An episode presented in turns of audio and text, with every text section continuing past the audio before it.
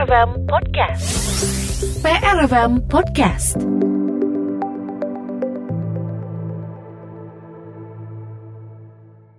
Pendengar, saya sudah kita sudah bersama uh, Dewan Penasehat Profona uh, Dr. Helena Agustin, Bu Titin. Kita sapa dulu ya, Bu Titin. Bu Titin, selamat malam. Malam. Kabar baik Bu ya? Alhamdulillah. Gimana sebaliknya kabarnya? Ya baik Bu. Tapi kami juga sedang ikut takut juga ya mendengar serangan serang tawon. Sebetulnya banyak yang mau kita tanyakan soal serangan sarang tawon ini. Tapi mulai dari mana? Uh, kenapa ya Bu? Sekarang kok uh, seolah kok meningkat begitu ya, Bu, uh, serangan sarang tawon di berbagai daerah, baik itu di Jawa Barat maupun di Jawa Tengah. Jadi sekarang tim damkar tim damkar disibukkan dengan penanganan sarang tawon. Apa sih sebetulnya yang menyebabkan mereka uh, berbondong-bondong kembali banyak apa ya berkumpul? Apakah Dan karena cuaca gitu ya, ya. ataukah cuaca atau mereka sudah uh, kehilangan tempat tinggalnya atau seperti apa, Bu? Ya, betul. Yang pasti uh, kalau kehilangan tempat tinggal ya itu jelas ekosistemnya sudah rusak. Mm. Kita masuk ke habitatnya mereka dan mm. mereka butuh kan biasanya mereka tuh hidupnya di hutan. Yeah.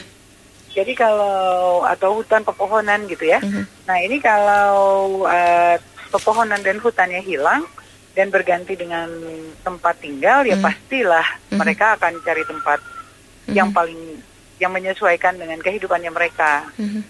Gitu. Jadi uh, menurut saya memang uh, kejadian ini apalagi musim hujan ya yeah. musim hujan itu mereka kan harus punya tempat berlindung gitu mm -hmm. maka sarang-sarang biasanya sih atap plafon atau tembok di belakang rumah yang dekat mm -hmm. ada lumut-lumut sedikit itu mereka suka mm -hmm. mm, oke okay. jadi kalau langkah apa sih Bu jadi harus yang kita lakukan untuk menangani sarang tawon di lingkungan rumah? Uh, pertama gini, Uh, yang pasti kalau kita menemukan menemukan sarang tawon masih kecil gitu yeah. dan kita harus membuat mereka pergi, mm. saya sarankan untuk menggunakan in insektisida tapi yang alami ya, mm -hmm. yang kita buat sendiri. Jadi jangan pakai yang bahan kimia, oh, takutnya okay. nanti mencemari air di sekitar kita. Mm -hmm. Jadi kalau yang paling bagus itu bisa pakai cuka mm-hmm. yang dimasukkan ke dalam botol, mm-hmm. kemudian kita semprotkan ke sarang itu. Mm-hmm. Yang kedua bisa pakai bawang putih karena mereka nggak suka bawang putih. Oh, Jadi okay. biasanya gini, si tawon itu mm-hmm. uh, dia akan mendekati rumah karena satu uh, ada makanan, ada aroma makanan yang mm-hmm. ad, yang beraroma gula karena kan dia kan juga mencari biasanya dia ikut ngambil nektarnya bunga. Salah satu fungsi dia di alam itu kan untuk penyerbukan. Mm -hmm. Jadi dia mengambil makanannya dari nektar bunga. Tentu saja selain juga dia makan larva-larva serangga lain, misalnya mm -hmm. lebah, ulat, macam-macam gitu. Mm -hmm. Nah kalau kalau di rumah kita banyak makanan terbuka yang berkaitan, yang beraroma gula gitu, yang mm -hmm. wanginya ada wangi gula, mm -hmm. itu dia semang sebetulnya. Oke. Okay. Gitu, dia akan mendekat. Gitu. Oh, jadi apakah boleh dikatakan kita juga harus lebih apa ya uh, rapih menata makanan yang berbau gula, betul, betul. begitu? Betul. Oh. Jadi jangan sampai aroma makanan itu terbuka mm -hmm. dan mengundang tawon Vespa. Kita nyebutnya tawon Vespa atau tawon endas gitu ya, masuk ke dalam rumah gitu. Oke, jadi begitu ya cara penanganannya kita di rumah. Um, kalau jenis tawon apa Bu nih yang biasanya mereka uh, selalu ada di pemukiman? Tadi kan yang sekarang ini uh, ramai itu tawon Vespa. Nah, hmm. gimana tuh Bu Titin?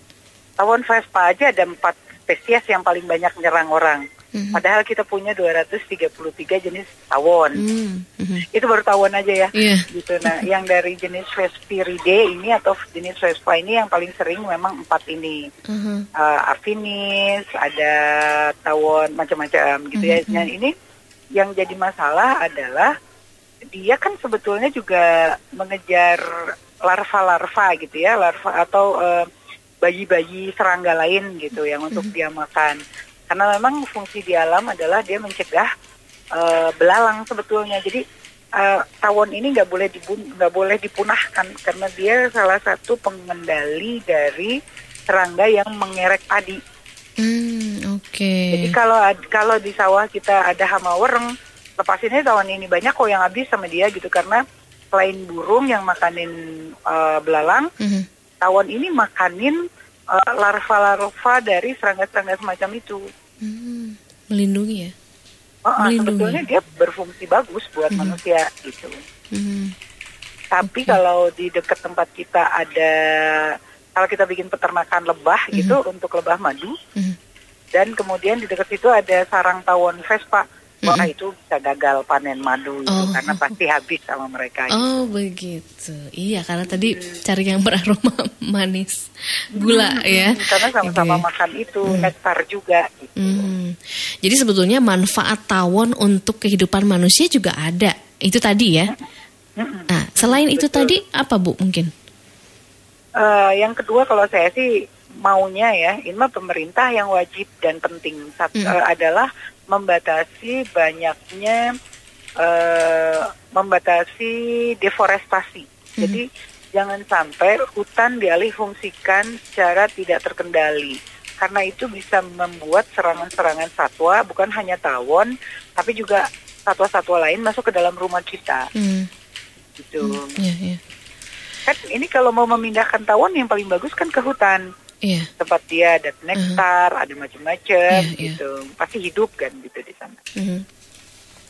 Jadi uh, tadi kalau dilihat kaitan antara musim hujan dengan banyaknya sarang tawon yang muncul karena musim juga iya ya Bu ya. Salah satunya musim. Salah satunya Betul. musim. Tadi beberapa yes. juga poin yang disampaikan seperti itu.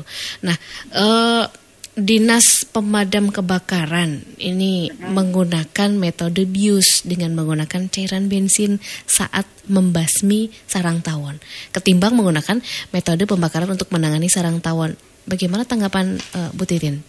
Kalau saya melihatnya begini, saya lebih senang kalau kita pakai cara yang alami, artinya tidak merugikan satwa dan tidak merugikan lingkungan. Hmm. Kalau kita menggunakan bahan kimia seperti salah satunya bensin atau insek insektisida yeah. gitu, saya khawatir pencemaran. Mm-hmm. Kalau pencemaran bisa kena ke mana-mana yeah. gitu, mm-hmm. termasuk si bensin ini karena memang uh, bau bensin itu bisa membuat si uh, tawon ini pingsan gitu ya, dia nggak kuat bau-bauan karena uh, dia memang dibekali indera yang sangat kuat dalam hal mencium aroma kalau tawon. Nah ini kemudian uh, menurut saya yang paling penting itu adalah APD atau perlengkapan perlengkapan kerjanya damkar mm -hmm. harus dibekali oleh pakaian yang anti sengatan tawon gitu. Mm -hmm. uh, kemudian boleh pengasapan bisa pakai gas uh, gas bisa, tapi kan lebih bagus kalau kemudian baik satuannya satuannya aman, mm -hmm. orangnya aman kan gitu ya. Yeah. Lingkungan juga aman. Mm -hmm. Jadi saya sih pengennya damkar dilengkapi dengan perlengkapan yang lebih ketat ketimbang dikasih bensin. Mm -hmm. Itu kan jadi kayak uh, emergency aja gitu, mm -hmm. saking pengen cepatnya atau apa gitu. Mm -hmm. Tapi kalau untuk jangka panjang, tolong perlengkapan bagi damkarnya diperkuat. Okay. Gitu ya mesti waspada juga ya saat eksekusi. Tapi kita bu di rumah nih, di rumah apa nih? Uh, selain mungkin harus menjaga kebersihan, di rumah apa yang harus dilakukan agar terhindar dari serangan dari sarang tawon? Uh, um, pakai kapur barus, mbak. Kapur barus. Oh, hmm, gimana bu? Di gimana ini? Disebar ini saja atau di? di di dekat tembok-tembok hmm. yang kita kita curigai bisa hmm. jadi tempat tempat uh, tawon itu bersarang. Mm -hmm. Jadi tolong dicek mm -hmm. buat ibu-ibu dan bapak-bapak mm -hmm. yang ada di rumah, tolong sudut-sudut rumah itu dicek. Mhm. Biasanya mm -hmm. agak keluar dari rumah, tembok keluar rumah itu, mm -hmm. itu uh, bisa jadi sarang tawon. Kalau tawonnya uh, ada, misalnya ada sedikit aja, mm -hmm. uh, ada beberapa blok dari uh, sarang tawon gitu hmm itu kasih kamper bawahnya mm, okay. atau dikasih kapur barus karena dia kan itu lumayan menyengat tuh aromanya tuh. ya. Mm. Nah itu dia sebenarnya itu cara yang paling mudah ketimbang pakai bensin. Memang mm. bensin juga yang dikejar kan baunya sebetulnya, mm. tapi lebih berbahaya maksud saya kalau bensin. Iya yeah, iya. Yeah. Pencemarannya cukup tinggi ya Bu ya. Ah, takutnya hmm. juga nanti bapak-bapak merokok di situ kesamber, wah gawat. Gitu. Ya itu betul, benar juga Bu betul ya. Iya jadi itu salah satu cara sederhananya ya di ditaburin kamper aja, jadi bisa ya. menghindari mereka. Oke Atau deh. kalau hmm. mau aromaterapi, tapi ya kalau aromaterapi biasanya baunya buah-buahan ya, dia malah seneng. nanti jadi kecanduan Bu. Yang punya rumahnya kecanduan. Oke kalau begitu. Terima kasih Bu Titin ya ya.